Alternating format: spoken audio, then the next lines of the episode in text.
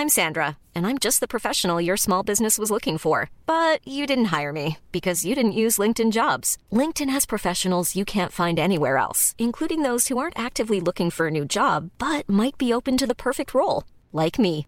In a given month, over 70% of LinkedIn users don't visit other leading job sites. So if you're not looking on LinkedIn, you'll miss out on great candidates like Sandra. Start hiring professionals like a professional. Post your free job on linkedin.com/people today. Even on a budget, quality is non-negotiable. That's why Quince is the place to score high-end essentials at 50 to 80% less than similar brands. Get your hands on buttery soft cashmere sweaters from just 60 bucks, Italian leather jackets, and so much more. And the best part about Quince, they exclusively partner with factories committed to safe, ethical, and responsible manufacturing. Elevate your style without the elevated price tag with Quince. Go to quince.com slash upgrade for free shipping and 365-day returns.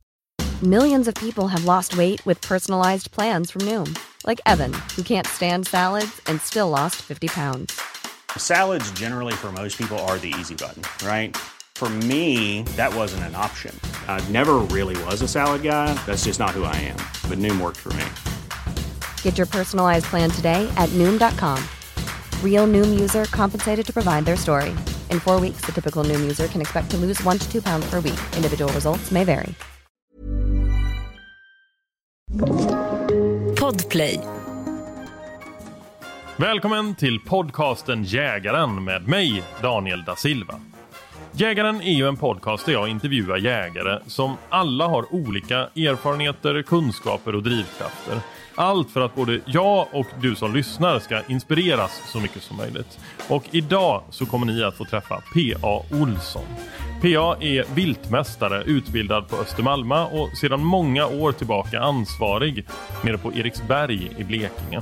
Så jag åkte dit och fick då förmånen att hänga med PA på deras eh, helt otroliga anläggning eh, som går under devisen på djurens villkor. Och Den kunskapen som PA besitter kring viltvård, vår natur och förvaltning av vilt är helt enorm. Jag är verkligen tacksam att PA ville dela med sig av sin kunskap och jag hoppas att du som lyssnar blir lika trollbunden av PA och hans berättelser som jag blev. Men innan vi startar intervjun så kommer här ett inslag från poddens huvudsponsor Chevalier.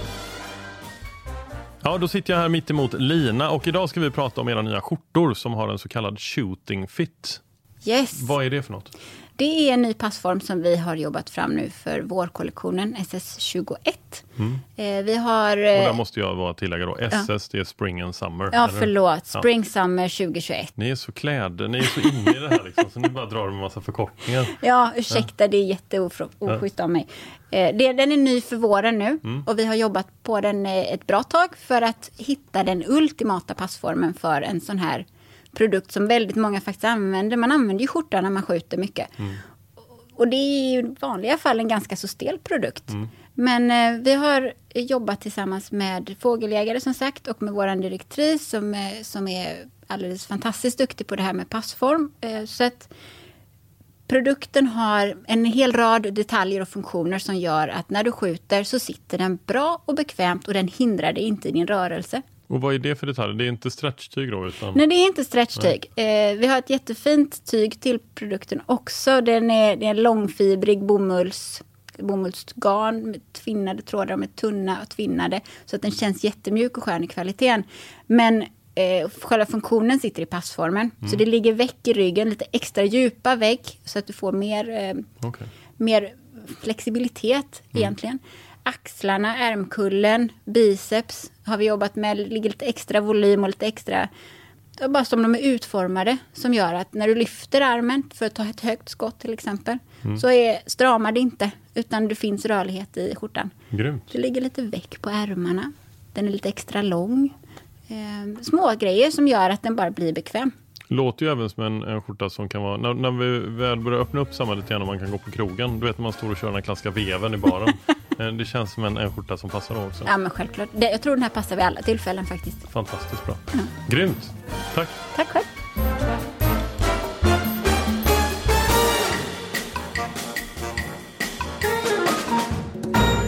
Ja, nu sitter jag så här nere på Eriksberg i Blekinge.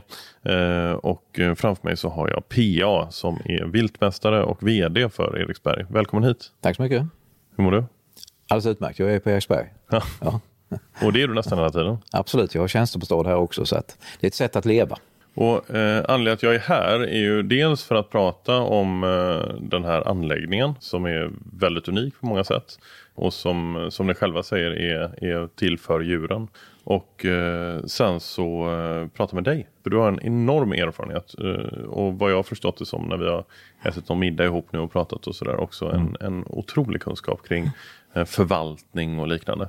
Så, så jag har precis hur mycket frågor som helst. Kul. Eh, jag, jag tänkte, det kanske är många som eh, faktiskt inte vet vem du är. Eh, vill, vill du berätta lite snabbt, vad, hur, hur började din resa? Ja, alltså det här med natur och djur, det har varit, eh, det har bara fallit på plats om man säger så. Uppväxt i nordöstra Skåne och en eh, far som alltid har, han, han levde 365 i skogen. Han jobbade i skogen och han eh, jagade i princip varje dag. Så att eh, det var liksom naturligt. Uppväxt på landet och naturen och djuren nära oss hela tiden. Där att vara med i slakteriet från man var två, tre år gammal. Liksom. Det var ju älgjaktsveckan då liksom. Det var ju, då var man med där ända till det blev kvällar. Höra gubbarna berätta sin historia och så vidare. Va? Så att Hur var, jag liksom växt in i det. och, när var detta ungefär? Jag är ju född 65 så att eh, det är slut på 60-talet så man har de första minnena från jakt, slakt och så. Hur var älgjakten här nere då? Den var eh, ganska, eh, ja det, det var jag ska säga, det var mystik kring det. Man planerade ju i veckor innan och man hade möten och så vidare. Och man satt ut eh, innan det ljusnade till det mörknade i princip. Ja, det var ju liksom på den tiden man bara satt och vaktade och det skulle kunna dyka upp någonting. Och väldigt lite med djur och så, men ändå så lyckades de ju. Ja. Men det var mer älg då än nu? Nej, inte just då. Det kom ju sen på, alltså slutet 70 började den ju då med trakthyggesbruken och det här så gjorde ju att det, även i nordöstra Skåne så att säga, blev det en eh, stor eh, tillväxt om man säger av stammen. Då. Men, så jakten har liksom varit en, en självklar del för dig? Eh, Absolut. Ja. Ja. Vad- när jagade du själv första gången? Kommer du ihåg det? Ja, uppsiktsjakt kanske vi är någonstans när man är, jag tror det var 76, 77 kanske där. Minns du till och med ditt första vilt kanske? Ja, det var en kanin. Men det tror jag var, alltså, man fick vara med först ju innan, det, innan man fick skjuta ju. Det var liksom viktigt. Liksom, så att, eh, så att jag tror det var 79. Ja. Ja. Eh, Du är viltmästare Japp. eh, och har hängt ganska mycket på Östermalma. Mm. Ska vi börja där? Vad, vad, vad gjorde du där? Ja, som eh, först så började jag jobba Och vad är Östermalma kan vi också berätta. Ja. För, du, du får gärna berätta. Det är ju liksom jägarnas mecka i, i Sverige. Det tycker jag. Eh, Det är alltså Jägarförbundet har ju bedrivit verksamhet där sedan 40-talet. Och eh, sedan sista decennierna då så fick man möjlighet att köpa det också. Så att eh, det är en gammal domänverksmark då som man köpte loss då. Så att det är ju liksom centrat för all jakt och viltvårdsutbildning och så då. Även då konferens, kursgård och naturligtvis privata. Och också en liten eh, alltså wildlife park, om man säger det också då. Ja, som de har utvecklat i olika steg då. Ja, Så att det, men eh, den har varit eh, alltså erkänd och känd sedan länge och eh, man är utbildad viltmästare då sedan 47 då. Och vartannat, var tredje år har man kört kurs kan man säga då. I några år har man hoppat över då, för det är inte så stor arbetsmarknad för, då, Nej. för viltmästare då. Så att, eh, Va, och, eh, hur, hur ser en utbildning ut för en viltmästare? Ja, då har man ju allt ifrån eh, 40-50 månaders praktik och uppåt egentligen då innan man får möjligheten. Idag så måste man ju då göra praktik och jaktelivspraktik och man, eh, man eh, måste då göra jaktelivsprov och så här för att kunna komma vidare då. Nu är det lite olika intag också. Man kan, man kan läsa på högskola och sånt här och så kan man vara en annan, alltså komma in på en annan eh, eh, lott kan man säga då egentligen. Då. Så att, men eh, själv hade jag väl nästan 70 månaders praktik. Och bland annat då första månaderna så var jag på, jobbade på Östermalm innan kursen. Då. Mm. Jag gick 94-95. Den längsta utbildningen faktiskt, då var nästan tre terminer. Då. Okej. Väldigt bra utbildning. Vi hade ju de eh, mest kända och största, bästa föreläsarna när det gäller jakt, viltvård, naturvård och så eh, i, i Skandinavien som var på besök. Och, Vad, vad är det man i stora drag, vad är det man läser de, under de tre mm, terminerna? Ja, Alltså det är allt, man varvar praktiska saker med eh, viltbiologi naturligtvis då. Och naturvård och allting sånt här. Så att, alltså, för att man ska lyckas som viltmästare så måste man vara duktig på alla areella näringar egentligen och förstå helheten och det hänger ihop då. Eh, och det eh, har du nytta av eh, här. Absolut. Helt klart. Eh, Du får berätta för lyssnarna lite grann om Eriksberg. Så att jag, jag kan tänka mig att eh, några kanske faktiskt inte känner till Eriksberg. Eh, och de som känner till det, där finns det säkert också delade meningar eh, kring att det faktiskt är inhägnat och liknande. Berätta om, om, om hela den här anläggningen och filosofin bakom.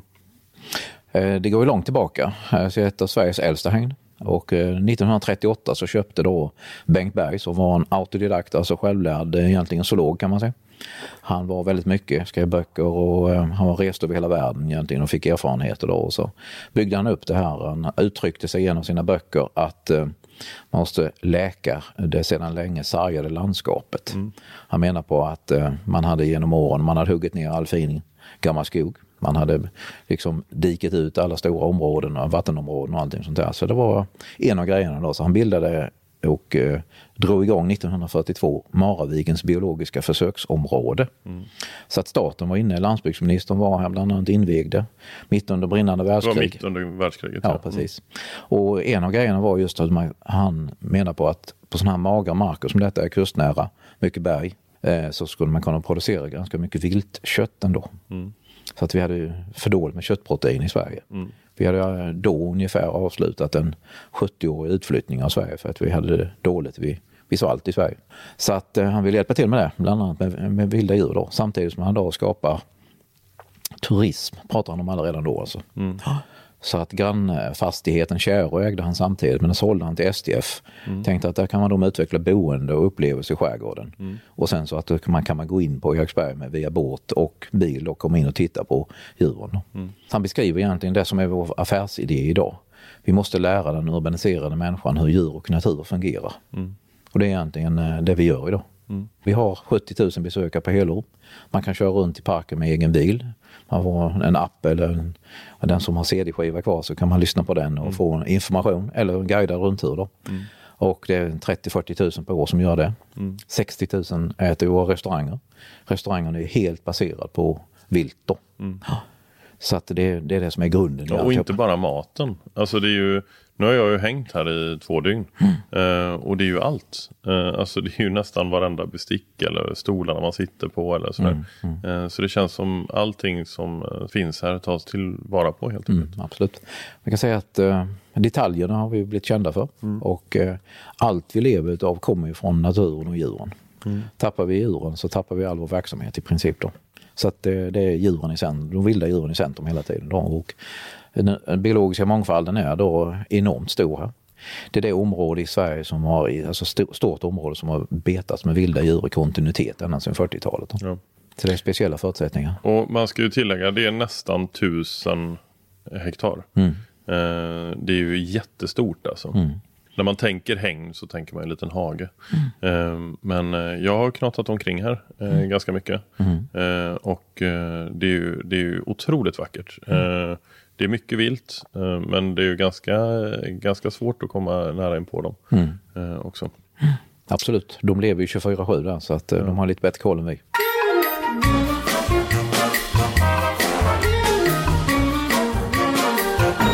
Jag tänkte vi ska prata lite grann om förvaltning. Och, och då tänkte jag att vi kunde gå igenom lite olika typer av viltarter. Eh, för att prata om hur man ska tänka på sina marker. Eh, för att skapa en, som, som, eh, en, en bra förvaltning som möjligt. Eh, om vi tittar på dåvilt. Eh, hur tycker du att man ska tänka om det skulle vara så att det, ibland kan man höra människor som säger att de, har precis börjat fått in lite dov. Hur tycker du att man ska agera för om, om det är så att man vill att dovet ska, ska stanna kvar och trivas? Det viktiga är ju då att se till så att de har det så bra som möjligt och så lite störningar som möjligt. Det kanske är att man ska freda de här där de allra helst vill vara. Freda de där 100 hektaren från hundjakt i två, tre år kanske. Då. Så att man får eh, några generationer födda på plats. Så stannar ju ofta de. De är väldigt åtstrogna på det sättet.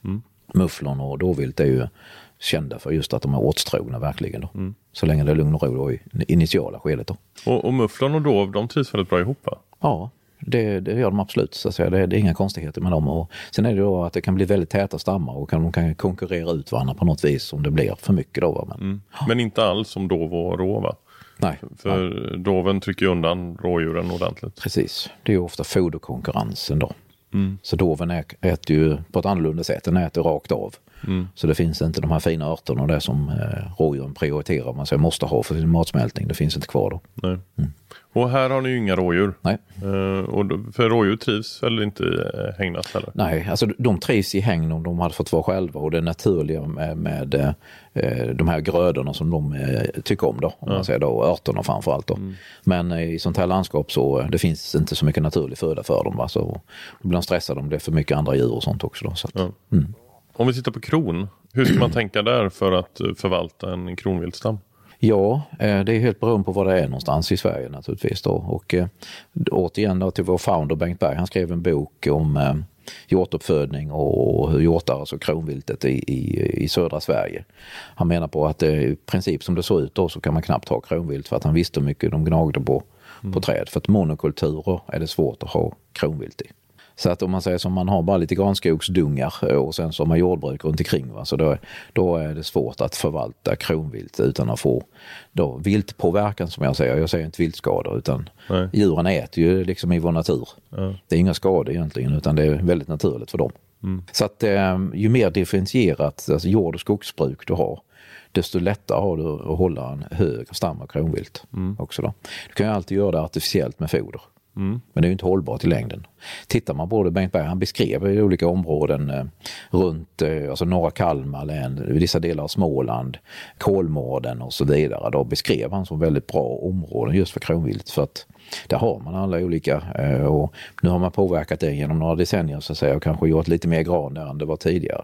Men det är sånt som han hade koll på alla redan då liksom. Och, eh, Många faktiskt duktiga viltförvaltare har ju haft koll på det länge men det är många som inte tittar på det och inte man vad ska jag säga, förstår eh, viltets behov. Och eh, då blir det ju då eh, kontroverser mellan de olika areella näringarna och trafiken naturligtvis också som det påverkar då. Och om man tittar på avskjutning på dov och kron. Hur bör man tänka för att viltet ska utvecklas så bra som möjligt? Det är ju så att eh, man säger ju alltid att eh, hondjuren är ju gasen och bromsen i en viltförvaltning. Och det största problemet vi har i Sverige det är ju att vi har alldeles för lite handjur totalt sett och vi har för lite gamla handjur i stammarna då. Eh, Och det är på grund av att de skjuts? Helt ja, enkelt. handjuren de skjuts och de är ju ofta, eh, ska man säga, de är, de är utsatta, de rör sig över större ytor. Ja. Så de har en större naturlig dödlighet då. Och idag så är ju trafiken också en naturlig Ja, dödlighet till viltstammarna då. Va? man. För Och om man tittar på kalvar Mm. eh, på i princip alla djurarter så är det väl eh, ganska 50-50? Ja, alltså det, evolutionen har ju tagit fram det, va? men sen märker naturen av det också. Så ibland så föds det och normalt sett så föds det 51-52 procent faktiskt i och med att de lever farligare. eh, I och med att de rör sig över större områden, då, olika hjortarter. Då. Och sen är det också beroende på, är det en jättefin eh, vår, sommar, när de går i brunst och de har, hindarna de mår bra, så kan det påverka så att de sätter mer handjur. Det är Det, kost, det kostar mer att föda upp en hankalv än, än en hindkalv. Då. På, på vilket sätt menar du då? Alltså hondjuret, alltså de kräver mer. Större Okej. tillväxt och så vidare. Ofta lite större när de föds och så. Ah. Mm. Så det är liksom mer, det, det är jobbigare för hinden? Att, Precis. att få- Eller älgkon då till exempel. Ja. Ja. Ja.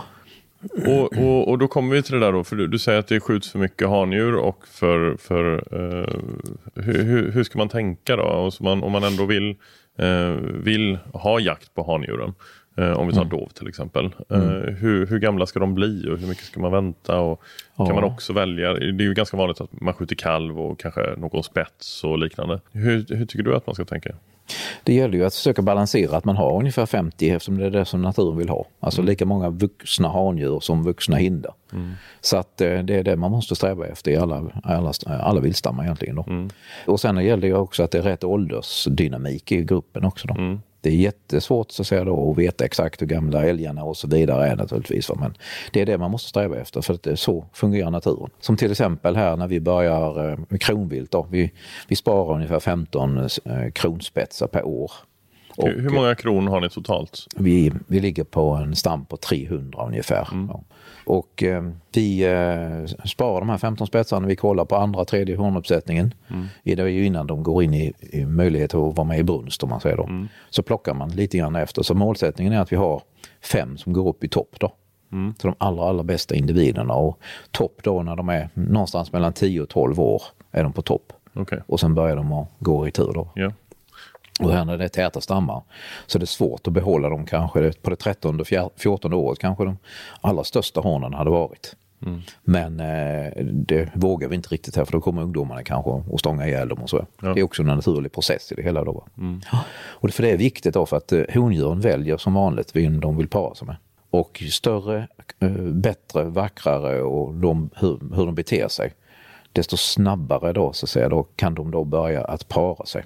Hittar inte hinden eller älgkon rätt partner mm. så går hon ju i ombrunst efter 21 dagar.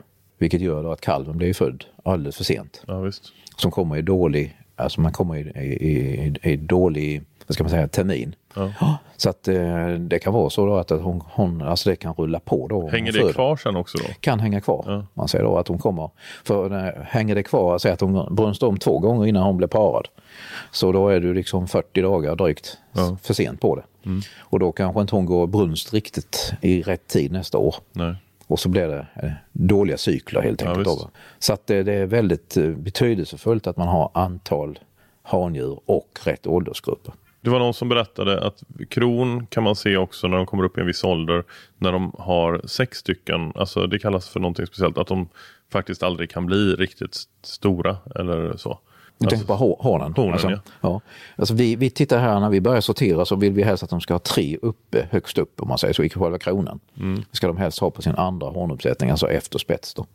Jaha. Men det är olika genetik hur det ser ut. Alltså vi har ju den här nominatrasen i Sverige. Mm. De får ofta inte det men de som eh, genetiken vi har här då, som är blandad med olika kontinentala hjortar och sånt där så vill man gärna det. Så tar de kraften högt upp i kronan tidigt mm. så blir det ofta fina individer. Okay. Mm.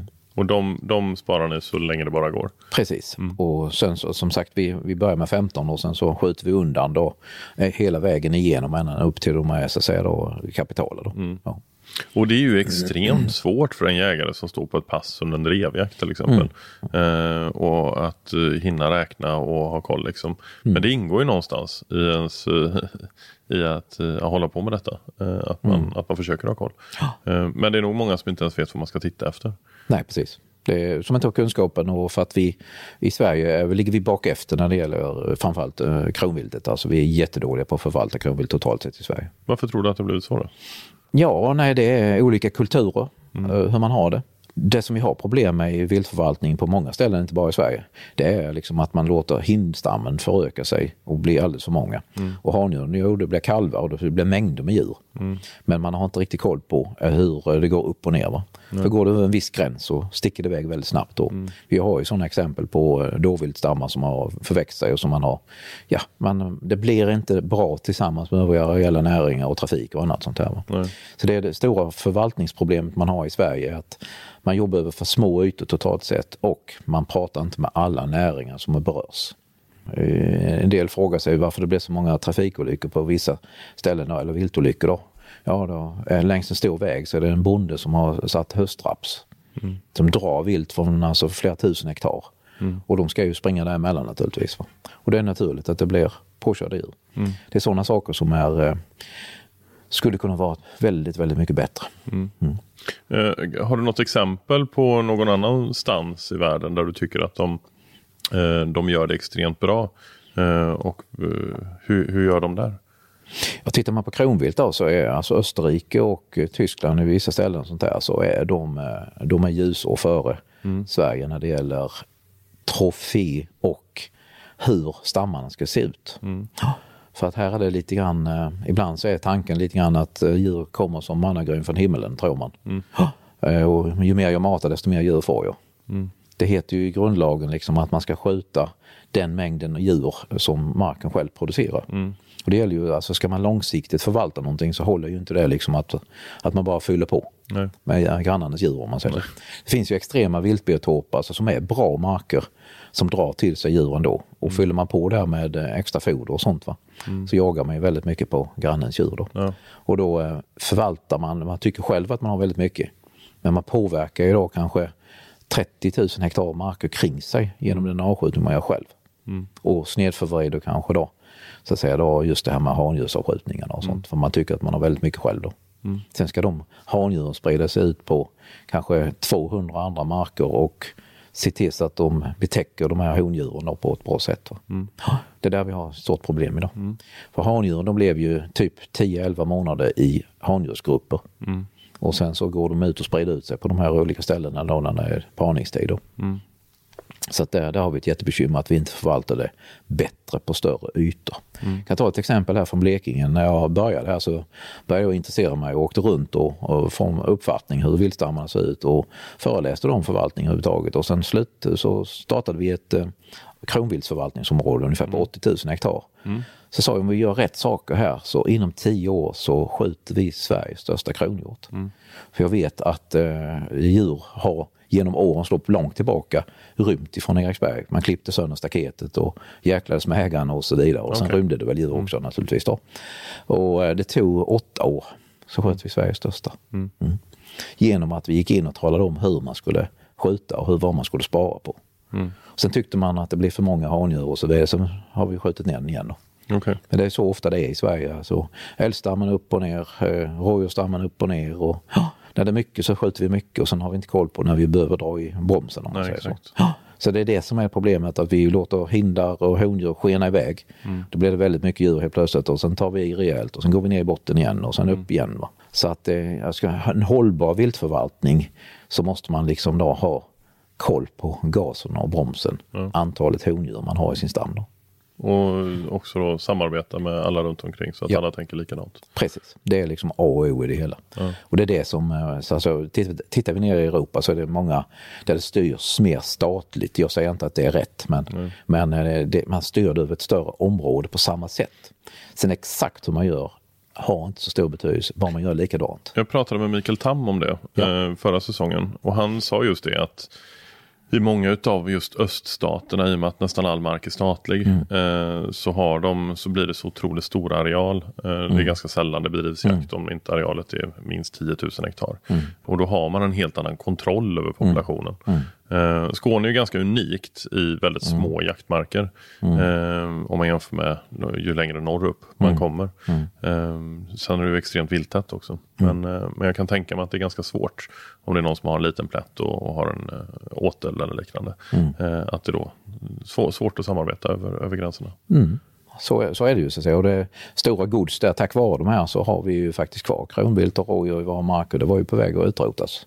Slutet av 18 början på 1900-talet liksom. Så att, eh, så att eh, det är, eh, vad ska man säga, det är egentligen jätteenkelt med viltförvaltning. Det är enkel matematik och lite viltbiologi. Eh, eh, Så, så fixar man det. Men det är just det här med att samarbeta som är det svåra. Ja, tyvärr.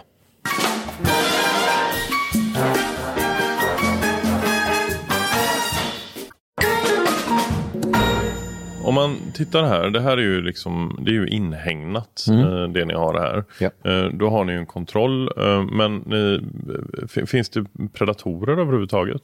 Ni har räv har jag hört. Absolut. Eh, Vi, jag ska säga att vi har Hängnet är ju inte, stoppar ju inte eh, någonting förutom varg kan man säga. Nej. De klarar sig inte att ta sig in. Sen har vi den här barriären med E22 som går längs hela vår norra gräns kan man säga då. Som gör också att lo är väldigt sällsynta här då. Men vi har ju föryngrade par eh, eller eh, honor och unga här i Blekinge också. Då. Så de hälsar ju på ibland va. Men, och, att- och men- på vintern då, det är ju öppet utåt och is och liknande. Ja, ja, det är ingen fara där. Vi har ju då staket i havet också eftersom 90 hektar av Östersjön är inhägnat. Men just eh, det är smala sund. Så där, eh, I och med att Östersjön höjer sig och sänker sig hela tiden så är det som lite åar. Så just vid staketen där så fryser det aldrig. Det ska vara 15 grader liksom i flera veckor om det ska frysa där överhuvudtaget. då, va? Och det är sällan det är här nere. Då. När det gäller rovvilt då, så har vi liksom allt. Det, det, är, det är mink och det är mårder, det är iller, det är utter och mm. hermelin och vessla och alltihopa och, och grävling och räv och allting. Så att säga. Och de, de tar sig ut och in hur som helst. Det, ja, det kan inte vi göra någonting åt om man säger så. Och det är fantastiskt att säga, för det är också en av våra rikedomar att det är så pass mycket differentierat eh, naturliv här. Vad, vad, eh, jag tänkte fråga vad ni har för, för vilt här men det är nästan det, det är i princip alltihop. Ja, precis. Det är Det är liksom den, den naturliga Varg. som finns i Blekinge, eh, förutom älg och rådjur kan man säga, eh, som finns här då. Och sen är det ju då de stora som vi har, det är ju kronvilt, dåvilt, davidsviltet eller hjorten som man säger då. Och sen är det då mufflon, vildsvin och eh, sen är det Europas största landlevande däggdjur som Vicenten är ju. Ja, och det, vi- ja, vi måste prata om Vicenterna. Eh, för det, eh, det är ju vrålhäftigt. Eh, eh, och, och det ingår ju i ett jätteprogram liksom för, för att rädda Vicenterna. Eh, det ni har här. Du, du får berätta för, för lyssnarna vad, vad, vad ni gör här kring Vicenterna. Eh, Vicenten är ju ett naturligt djur egentligen. Då när inlandsisen drogs undan här vid denna kusten så var det ju för 14-15 000 år sedan som den började ta sig undan. Då vandrade Vicenten in så det är ett naturligt djur. Liksom kronviltet och vildsvinen också här då. Och eh, vi har varit med sedan 1978 de kom hit här då. Så har de varit med här i ett internationellt räddningsprogram då. Så alla egentligen eh, kända vicenter eh, som inte är ute i det vilda idag. De är alltså införda i en pedigree book då. Så vi vet alltid vilka, eh, vilken som är mor och far till kalvarna och så vidare. Då. Och sen skickar man då de här olika eh, individerna mellan olika eh, uppfödningsplatser och utsättningsplatser nu då. Så av 8 500 totalt sett eh, vicenter som vi har i Europa och världen idag så är ungefär 6 000 drygt frilevande. Då. Jagas det i det vilda någonstans? Det jagas lite grann, det gör det, men eh, det är, i och med att det är en utrotningshotad art så det är väldigt sparsamt om man säger så. Och skjuts bara vissa individer i vissa skogsrevir som de säger då ofta. För det är de här gamla östeuropeiska länderna framförallt de finns då. Det finns i gamla Västtyskland och i ett område, det är det enda i gamla väst faktiskt som man har satt ut dem då. Och eh, om man tittar på biotopen i, i Sverige. Var någonstans hade Vicenterna trivts tror du? I det? Eh, Ja, de hade trivts. De hade kunnat fungera stora delar av Sverige, men inte i fjällvärlden naturligtvis. Då, va. men den är ju, vad ska jag säga, den är egentligen eh, beroende av eh, differentierad, eh, ungefär som kronviltet kan man väl säga. Den äter ungefär på samma sätt. Då. Den behöver gräs, den behöver örter, den behöver lite busk och, och lite sånt där. Då. Lite ris. Så att, eh, vi skulle, jag skulle kunna säga att eh, hela södra Sverige, eh, utom de riktigt öppna jordbrukslandskapen, skulle den kunna självmant så att säga, klara sig. Då. Och om man skulle vilja eh, få igång en eh, eh, Vicenten i Sverige eh, som en, en frilevande viltart. Eh, hur, skulle man, hur går man tillväga då? Ja, som man har gjort i många andra länder så är det ju så att man, man eh, flyttar dem till tillvänjningshägn då. Där de står, där de kommer då. Och eh, sen så ökar man den ytan lite grann, lite Hur större. stort är det i början? Alltså man kanske pratar om 10 till 40 hektar. Där de går då, de har kontroll på dem, man har daglig tillsyn och man kanske behöver fodra dem och lite sånt här som har koll. För att många av de här kommer ju då från områden, djurparker, där det är ganska liten yta och väldigt, egentligen så lever de i princip bara på det som man ger dem. Ja, här kommer de ju egentligen som, eh, ja, som i det vilda. När man sätter ut dem Ja, från Eriksberg. Då. Eh, Men eh, så där går de eh, kanske två till tre månader och sen så utökar man ytan. Och till slut så öppnar man då så de kan gå ut i det vilda. Och ofta någon av de här, i de här grupperna då, så har man GPS-sändare så man kan följa dem. Då. Och de har sett då bland annat kvigor från Eriksberg men de släpp, släppt ut dem i södra Polen. Sen, sen går de i de här eh, gränsområden där med tre, fyra olika länder, de här olika bergsområdena där. Rör sig över ganska stora ytor då. Vad, vad, hur, vad hade hänt i Sverige om vi hade fått en eh, viltpopulation med Vicenter? Ja, eh, inte särskilt mycket. Nej. Vi har några hundratusen älgar.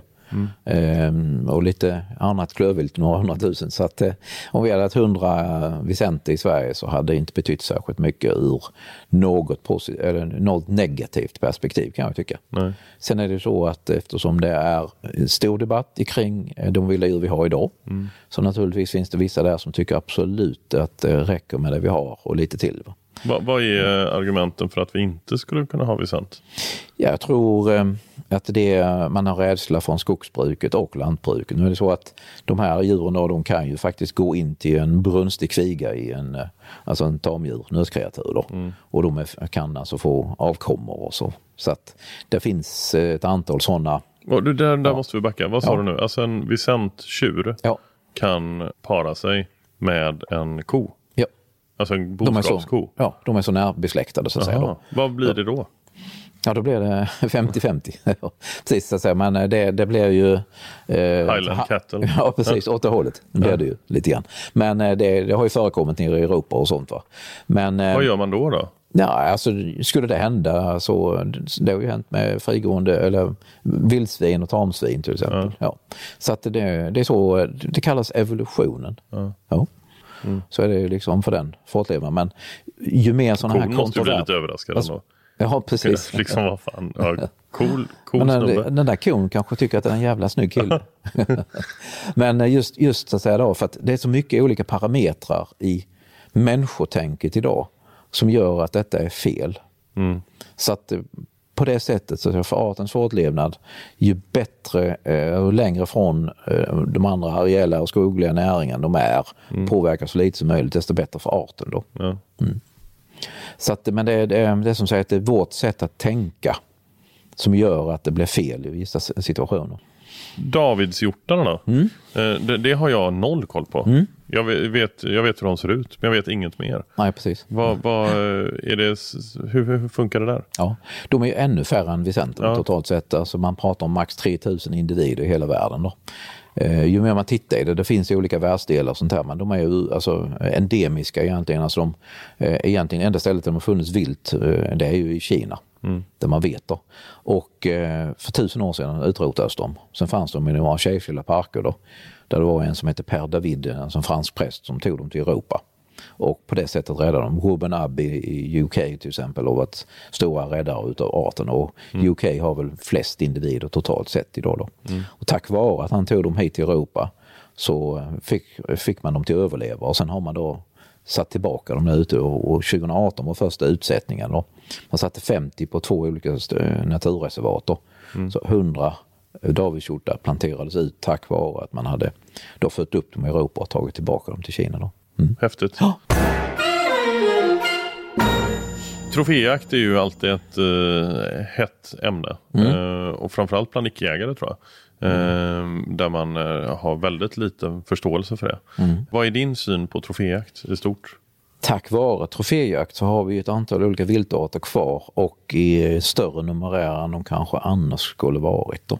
Så turismjakt är väldigt viktigt i en total viltförvaltning även om man inte är jägare. Så är det liksom A och O.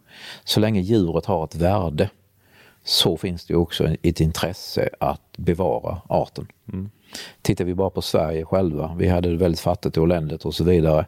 En och en halv miljon fick ju faktiskt flytta ur landet för att vi skulle kunna överleva på ett bra sätt. Och det är inte, inte så länge sedan. Och under den tidsperioden höll vi på att utrota bland annat älg, kronvilt, rådjur. Vi har utrotat x antal olika djur och fågelarter för att vi hade dåligt var. Och i och med att man kan använda eh, besöksnäringen, alltså turismen på ett bra sätt eh, och genom att förvalta vilda djur och fåglar så finns det då ett värde i detta. Om du kikar på dem, tittar på dem, om vi tar Afrika som ett exempel, eller du är där och fotograferar dem, eller du är där för att jaga dem. Det innebär att det finns ett värde att förvalta djuren. Jag hade förmånen att träffa en kille som heter Andrew Holmberg som är gudson till Karin Blixen bland annat som, som är född nere i Kenya och eh, jobbade som professionell guide där nere. Och, eh, han bildade ju och utvecklade ju en verksamhet där var faktiskt känd över hela världen för just den här rätt typ av förvaltning och det var extrem troféjakt. Då. Och drog in oerhörda mängder med pengar just för troféjakt. Och Han gick alltid bara på djur, alltså handjur då, som i princip hade sista året kvar när de har som största trofén. Istället för att då det djuret eh, självdör tas av några, något rovvilt eller rovdjur så fick de oerhörda pengar som de kunde föra tillbaka till landet och viltförvaltningen. Troféjakten sa han, den måste ju vara det viktigaste och sen är det lite matdjur man skjuter.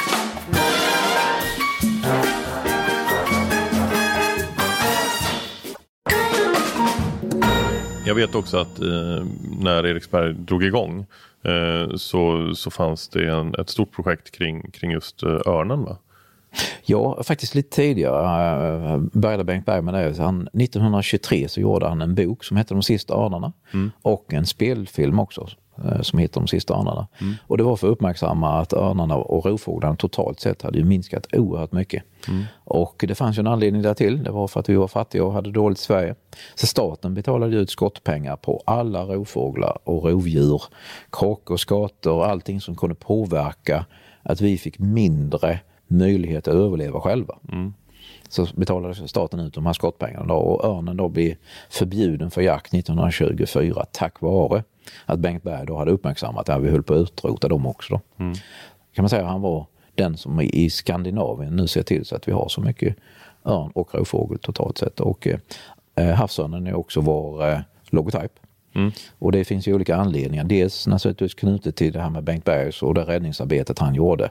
Men även då att när man har örn i bra skick om man säger så och de häckar och, de, och så vidare och förökar sig.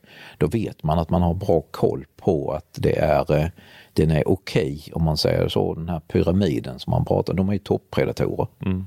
Så att klarar de sig så är det okej okay Innan hade vi problem med kvicksilver och så vidare. Mm. Men här har vi en bra föryngring idag i, eh, ja, längs med hela södra Sveriges kust och, och östkusten också och stora mm. sjöarna och så, även i fjällvärlden. Och det är ett bra tecken på att man har eh, hyfsad balans i, eh, mm. faktiskt i naturen då, när de kan klara sig, toppredatorn. Då.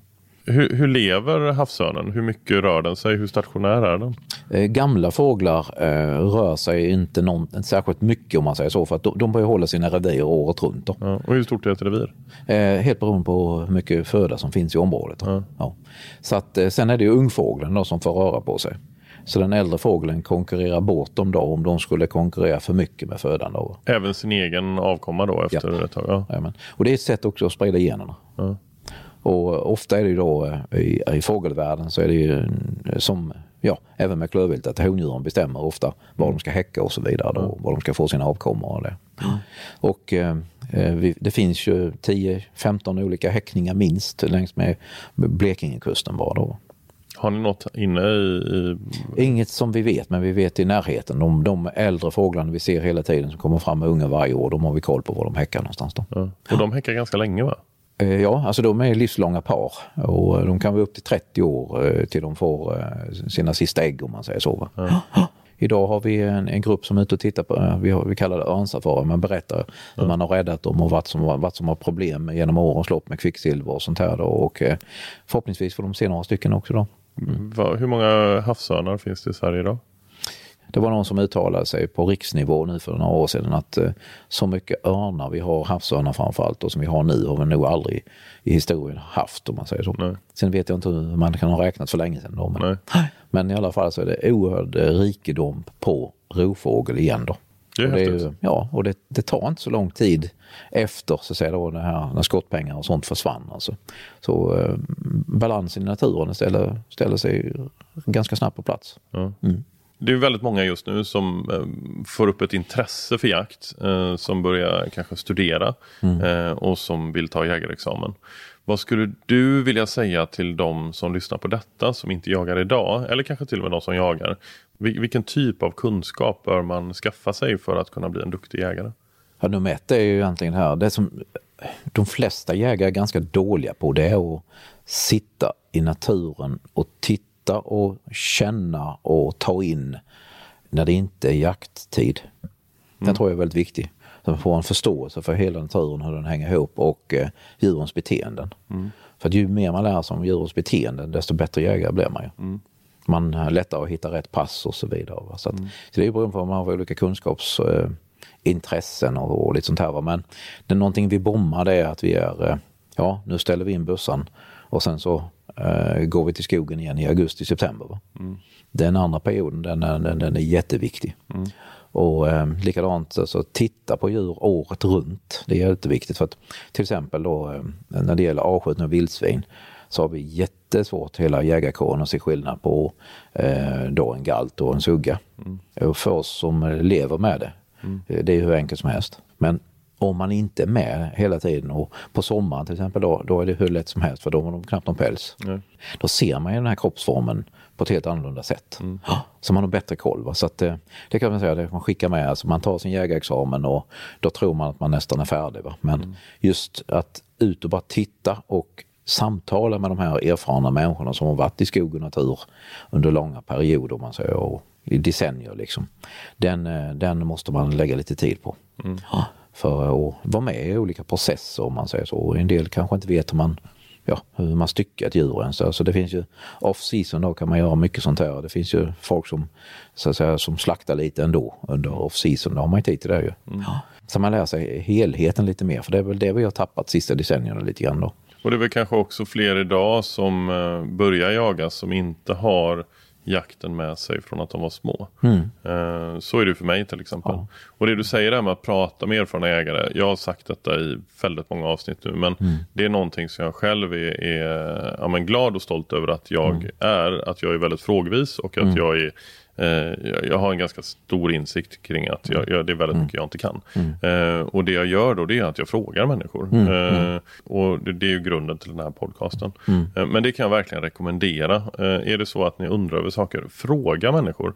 Eh, jag har aldrig någonsin stött på någon erfaren äldre jägare som inte har uppskattat att jag frågar och med Ja. glädje eh, berättar sin åsikt. Sen, sen är det inte så att alla kan sanningen utan men ju fler människor man pratar med desto bättre pejl får man eh, och kan skapa sin egen uppfattning. Man kan inte läsa sig till allt utan man måste uppleva och prata med de som är erfarna. Ju öppnare man är och tar in information så desto bättre går det. Kunskap är det viktigaste man har i livet. Ja.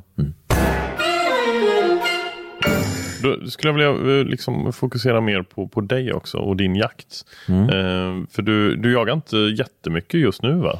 Nej precis. Du Alltså, inte det? Jag kan säga att min eh, glädje idag är egentligen att se att många andra kan glädjas. Att vi, vi guidar och hjälper till så att folk får fina upplevelser här på Eriksberg. Då. Så att eh, det är väldigt lite själv egen jakt på grund av olika anledningar. Vi har en verksamhet som växer hela tiden och eh, hela tiden så får man parera och ta hand om det som är det, viktigaste om man säger så. Så att eh, jakten är direkt en mindre del nu kanske än det har varit tidigare. Men eh, det är som allt annat i, eh, i livet, det går i vågor. Vad, är, vad, vad skulle du säga är liksom topp tre jaktformer för, för dig personligen? Det finns ju olika kategorier i det hela. Men förr så jagade jag en hel del med, eh, med löshund man jagar älg och, och så. Va? så att, men eh, oftast kan jag säga att eh, de bästa tror jag ögonblicken, eh, man kan ta något, liksom, det är det är nog när man har med sin unghund, löshund, och har fått skjuta någonting för den och efter en strapats kanske då. Eh, Så att jag kommer ihåg när jag jobbade i Hälsingland så hade jag en, en hund, jag tror vi hade fem, sex timmars ståndskall på, på en, en, eh, ko och kalv då. Och de, de förflyttade sig och det var säkert mer än en mil. Kom tillbaka nästan till upptagsområdet om man säger då. Man lyckades då. Just samspelet då med, mellan hund och förare, det är fantastiskt. En av mina lyckligaste ögonblick här, det är, vi hade tre år i rad hade vi sökt efter en kronhjorta. Det var en kund som kom, återkom och återkom och skulle ha just den. Och då när vi en kväll, sista kvällen han var på plats, precis i sista ljuset på Dragsus topp eh, i eh, solnedgång får se den här hjorten stå och bröla och han kom till skott. Jag tror han kramade mig tio minuter efteråt. Han var så lycklig. Och det är just sådana här ögonblick liksom, när man kan hjälpa andra att få en upplevelse. Det ger minst, eller än mer, när man själv får lyckas om man säger så.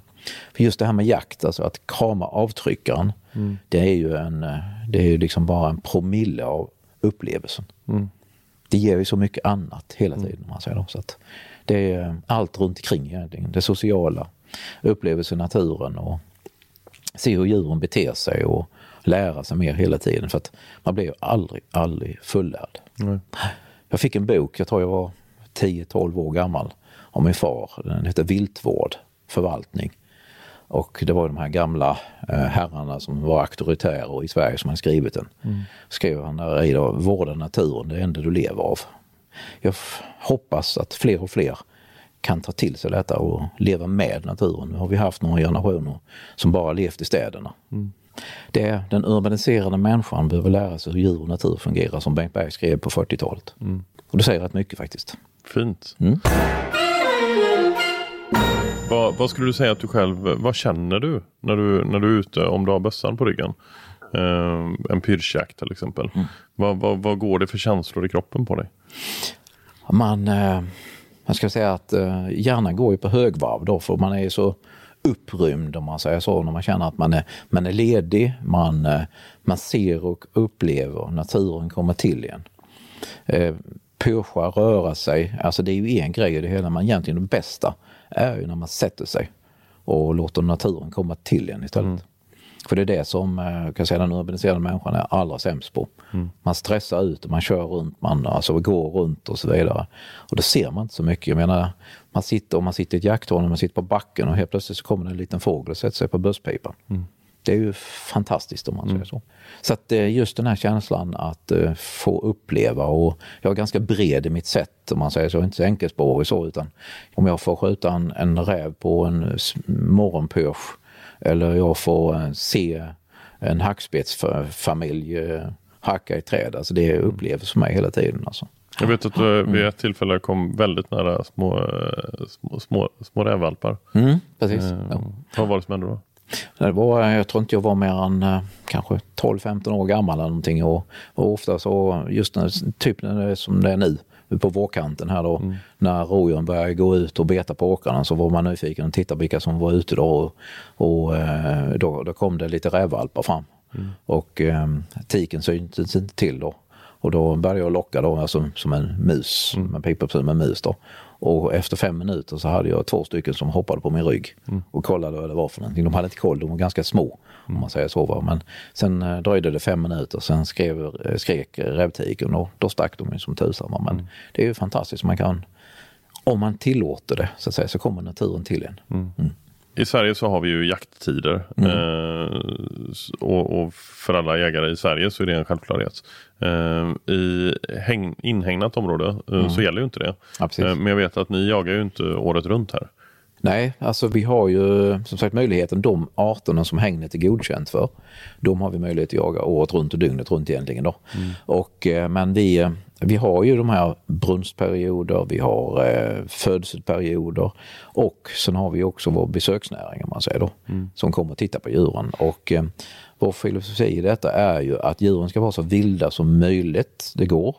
Trots att det är väldigt mycket människor som är och tittar på dem. Och eh, huvuddelen av våra människor kör runt med bil eller bussgrupper och så vidare här. Så att djuren ska vara så tama som möjligt mot bilar, fordon, icke rädda för dem alltså. Så att de kommer så nära så att de på ett enkelt och bra sätt kan studera deras naturliga beteenden egentligen då. Eh, Så att eh, det är liksom det vi jobbar väldigt mycket mot. Då. Skulle vi samtidigt som vi har besöksnäring och jaga så skulle de uppleva mindre. Ja, Så att tryckjakter slutar vi med i februari och sen så har vi då smygjakt lite grann i mars och sen så stänger vi för det. Och sen så är det i slutet av september som vi börjar igen då så att säga. Då. Och övrig period då så som sagt har vi då folk som åker runt samtidigt som vi har lite sådana walking safari och så också. Va? Djuren är vår viktigaste beståndsdel i hela företagets verksamhet. Så det gäller att de har det så bra som möjligt. Vi har ju en devis som heter På djurens villkor. Det är som när man åker runt här och tittar. Vi är klassade som djurpark också för att när man har besökare så blir man det. Och eh, här är det vi som sitter i buren istället. Djuren visar sig om de vill. När man kör runt på våra vägar här så kanske man ser 5-10 procent av hela marken. Så att det gäller ju att attrahera dem att komma fram. Det, det är det vi gör, liksom att göra åkrarna så bra som möjligt och lite sånt här då för att man ska få det. Så det, det är egentligen vår tanke att folk som kommer och besökare på vår sommarhalvåret, att de ska få uppleva så mycket djur under naturliga förhållanden som möjligt. Då. Och sen tar vi det här eh, överskottet varje höst som är 500-600 djur ungefär. Då. Och eh, i vår reservatsbestämmelse så står det då att man ska efterlikna det kulturbetespräglade landskapet för våra tama djur när torparna bodde här. Det bodde ju över tusen människor när det var som mest i detta området. Då. Och då hade de ju sina tamdjur som gick och betade och höll rent ungefär som det är i dagsläget. Nu. Det är bara att det är vilda djuren som gör det. Då. Så att vi ska hålla en hög mycket hög vildstam för att kunna ha det här kulturbetespräglade landskapet. Då. Och då är jakten en del i regulatorn om man säger i det hela. Då. Men djuren är i fokus i all vår verksamhet om man säger då. De är jätteviktiga för oss. Nu har jag varit här och eh, upplevt eh, Eriksberg eh, och fått eh, mycket tid tillsammans med dig. Eh, och jag skulle tacka så otroligt mycket för detta. Jag har lärt mig jättemycket. Eh, och jag hoppas att lyssnarna också har lärt sig lika mycket som jag har gjort. Eh, tack PA för att du, eh, du ställde upp på den här intervjun. Tack för att ni kom. Och tack till er som lyssnat såklart. Nästa torsdag, ja då är det återigen dags för ett nytt avsnitt med en ny gäst och då hoppas jag att du lyssnar. Och om du gillar podden så får du mer än gärna hjälpa till och sprida den i sociala medier eller rekommendera den till människor som du tror skulle uppskatta den. Vi hörs om en vecka. Hej!